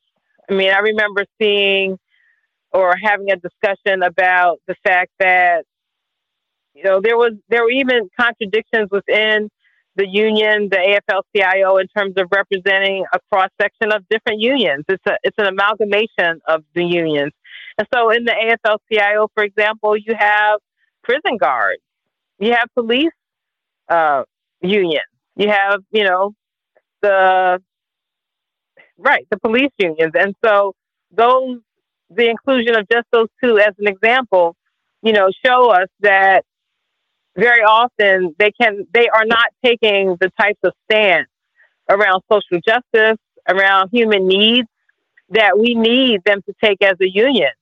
And you have unions that will be in conflict with each other uh, because you know you have other people who are fighting for those same things, human needs and for human rights. And sometimes and like think about coal.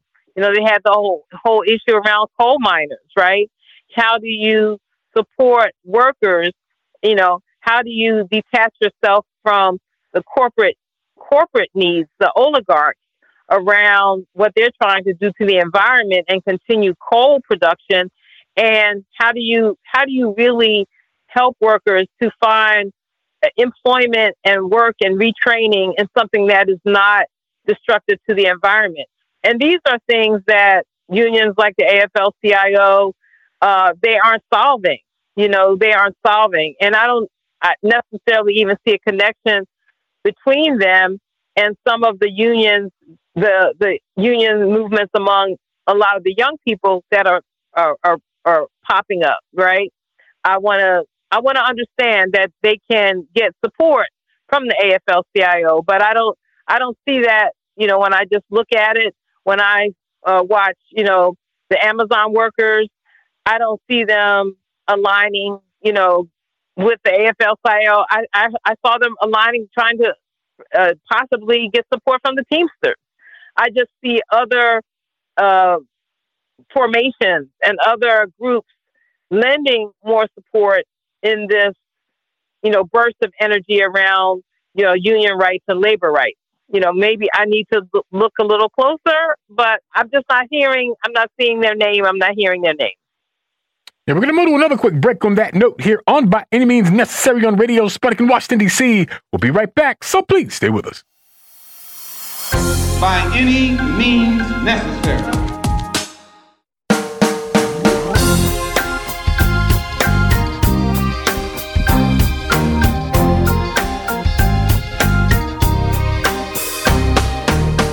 Welcome back to By Any Means Necessary on Radio Sputnik in Washington, D.C. I'm your host, Sean Blackmon, here with Jacquie Luqman. And as always, we are your guide for connecting the political, social, and economic movements shaping the world around us. My dear friends, phone lines are still open 202 521 1320. That's 2 0252111320. I am here. Jacquie Luke Luqman is here. Esther Iverem is here. And Esther, I wanted to also discuss some local news uh, here in D.C. as it's being reported that about one third of uh, residents in the D.C. region uh, have experienced food security in the year 2023. And this is according to uh, uh, the Capital Area Food Banks' hunger report. Uh, it also shows how this issue plays out uh, unevenly across the region because the Capital Area Food Bank covers D.C., Prince George's and Montgomery counties in Maryland, Arlington, Fairfax, and Prince William counties, and the city of Alexandria in Virginia. Uh, the district, uh, according to this, uh, covered by the Washington Post, D.C. and Maryland uh, jurisdictions slightly uh, brought their uh, hunger numbers down. and there's been, I believe, in D.C., a single point drop, yeah, from 33% in 2022 to 32% in 2023. And I feel like having that level of hunger in a city like DC is noteworthy because I mean, this is an increasingly uh, more expensive place to live. Of course, there's also this uh, ongoing process of gentrification and displacement. And a part of that, of course, is the issue of uh, food deserts and not having access to quality food. Uh, it seems all the time we're hearing about, you know, Southeast DC, which continues to hold uh, uh, most of the city's poor and working class uh, black population, uh, we continue to hear about how you know these areas uh, don't really have access to things as basic as a grocery stores and things like that to the extent that the more affluent areas in the city do. And so I'm just wondering what you uh, make of that, especially for someone who's been here in DC for uh, quite some time. And uh, what do you think it reflects about conditions here in the nation's capital? Well, the first thing I'm thinking is that how you know, food, just like housing, you know, is a is a human right, and we don't have a system to ensure people have basic human needs. And the fact that food is sold for a profit means that some people aren't going to have enough money to buy the food. And I know it's getting off the subject of the food bank, but you know the other sto- uh, story related to food is the fact that, you know, the giant in Southeast DC said that, you know, that they may close uh, because they were worried about theft and security costs. And when I heard about this uh, story, this story, I just thought about how um, several years ago I was trying to help a group put up a small, like, uh, farmers market in Southeast because there was no, the grocery store was also closing there. And this was off Rhode Island Avenue. And the same thing happened where there with that Safeway. They said they were closing because of theft. That people, it was so much theft that they just couldn't operate the store anymore. And, you know, I don't think that the prices were any different in that store than elsewhere, but it just shows that the level of of need for food, and people will people will take food if they feel like they have to, as opposed to being hungry. And um, and I have to say, though, when I heard the story about the giant possibly closing in Southeast, I had to relate it to the fact that I know because I live on the other end. I live near Silver Spring, uh, up in, in Northwest, and the giant up in Silver Spring closed early. And they said they closed early now because of the theft. And also, the CVS next to them, the manager was assaulted at a late night um, uh, shift. And then going to this other, like kind of like a little bodega, um, they had their front door locked because they said that they can't keep their front door open anymore. This is all like in Silver Spring, right? And they said because people would run in the store and like grab beer or whatever they could get close to the door and run out.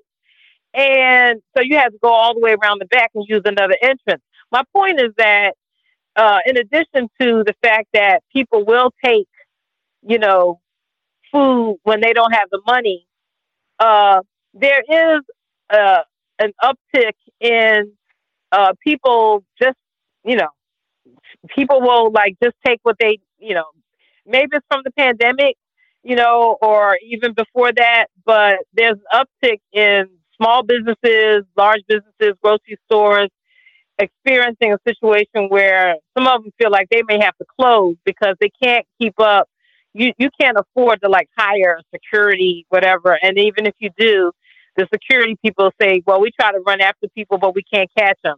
And I know I'm getting way off subject of the food bank, but there's something happening here around people, uh, you know, taking food and not having enough food and not having enough.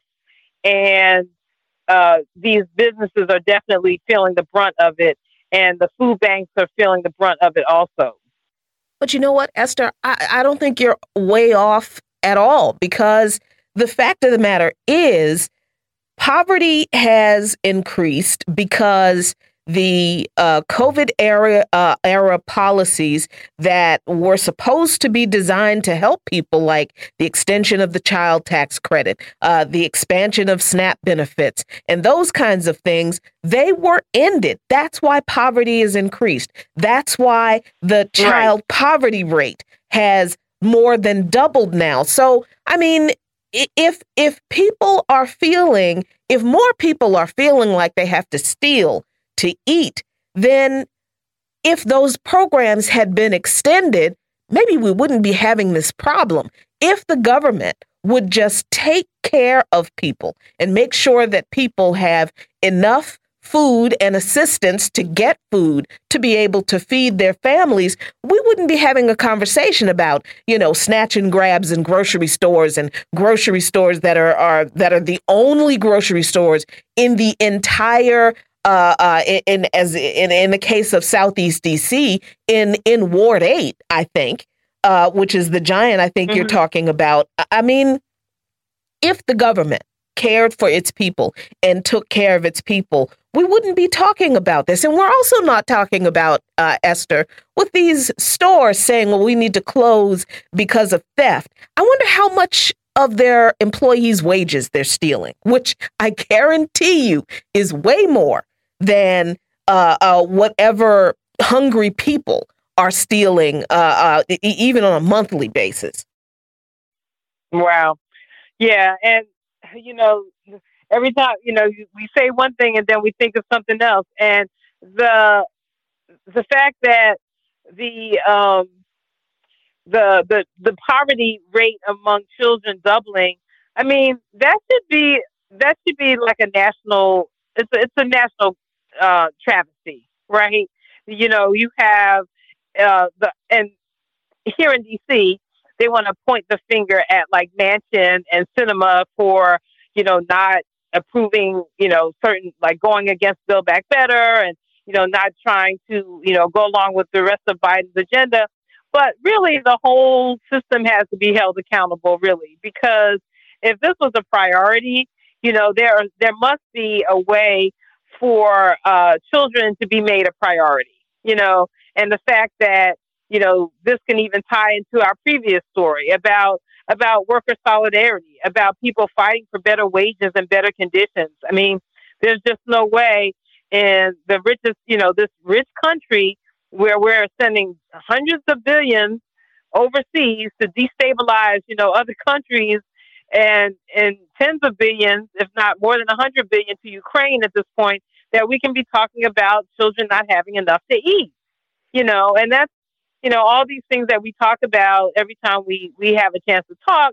They're all they're all connected. You know, I just had a conversation recently with someone about the fact that you know at some point you realize that you all these issues they're connected if you're you grow up and you first you're fighting for um, you know student rights then you know in my case you know in the 80s you know around apartheid in south africa.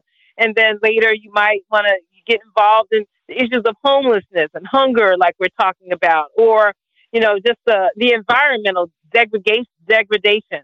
And you realize that some all these things are connected and you need you ha- we have to have a system that is for human needs and not for profit.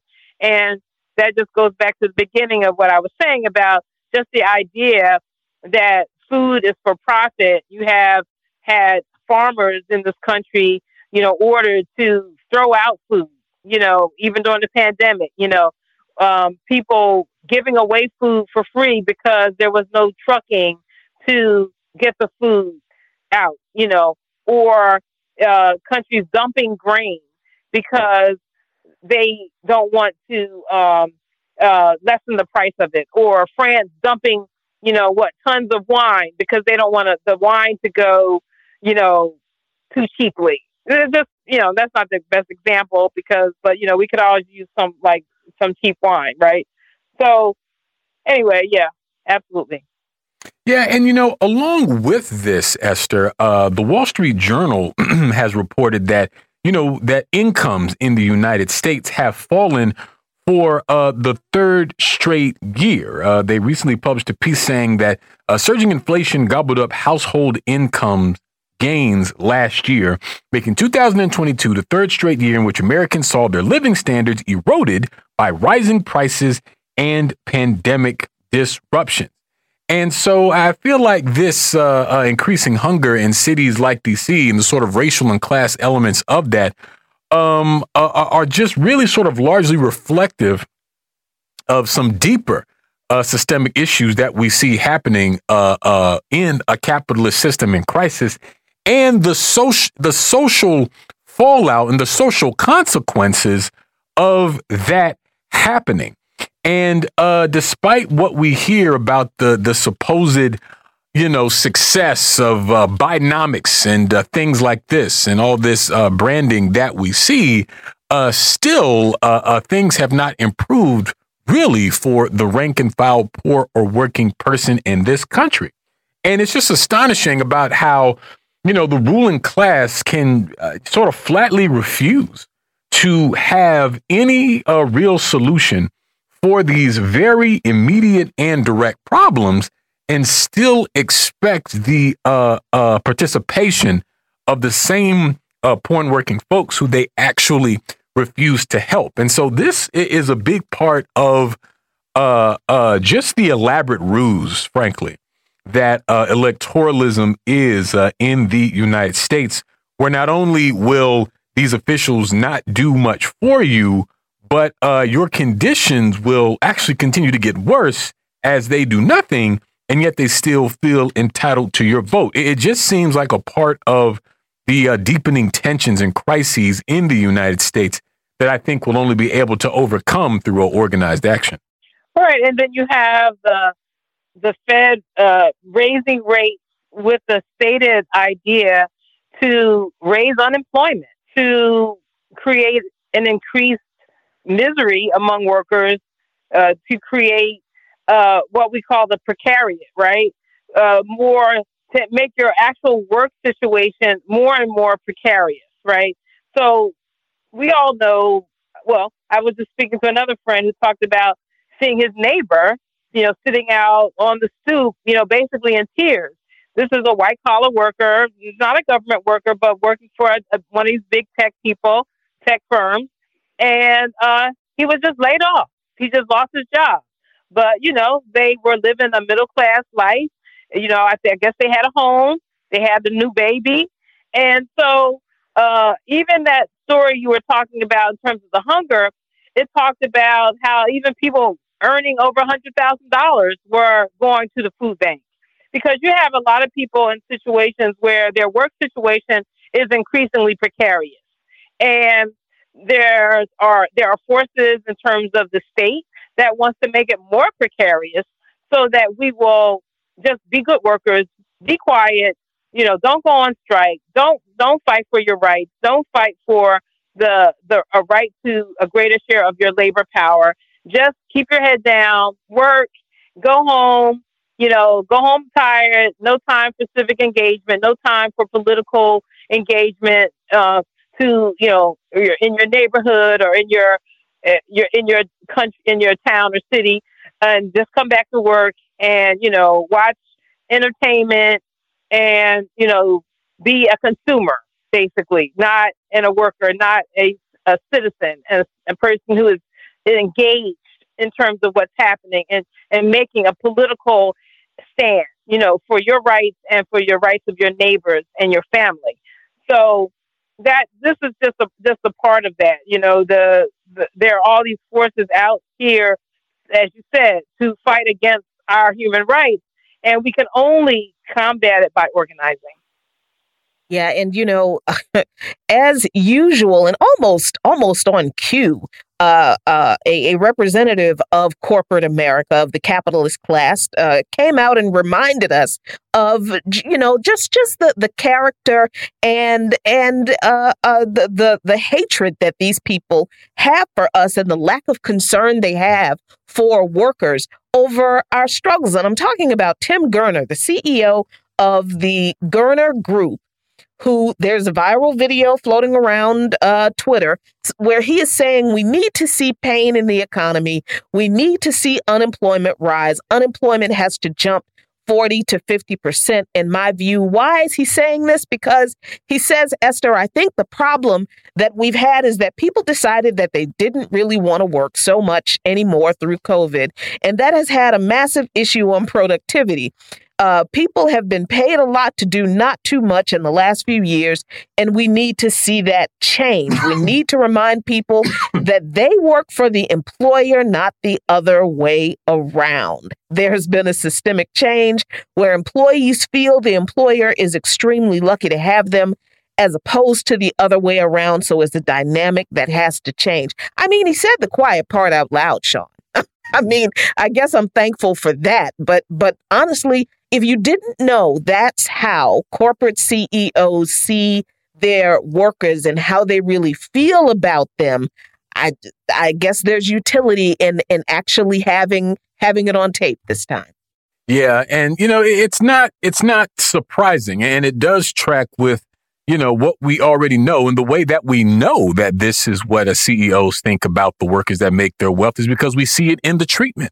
Uh, the fact that so many workers are uh, underpaid, the fact that so many workers are mistreated, the fact that these companies will seemingly cut every possible corner and eliminate every possible comfort just to squeeze uh, a little more money out of their worker or to increase uh, productivity just a little bit more at the expense of the workers. And certainly we saw that uh, from the onset of the coronavirus pandemic. And I mean, also, we wouldn't be seeing all these different uh, strikes and other labor actions that we've been seeing in recent years if uh, that was not the attitude that many CEOs and companies had towards the very workers that uh, uh, have been making their uh, fortunes and their recent uh, record profits in this period. But as such, uh, it's a center that uh, cannot hold, and we should definitely be in solidarity with the workers in these actions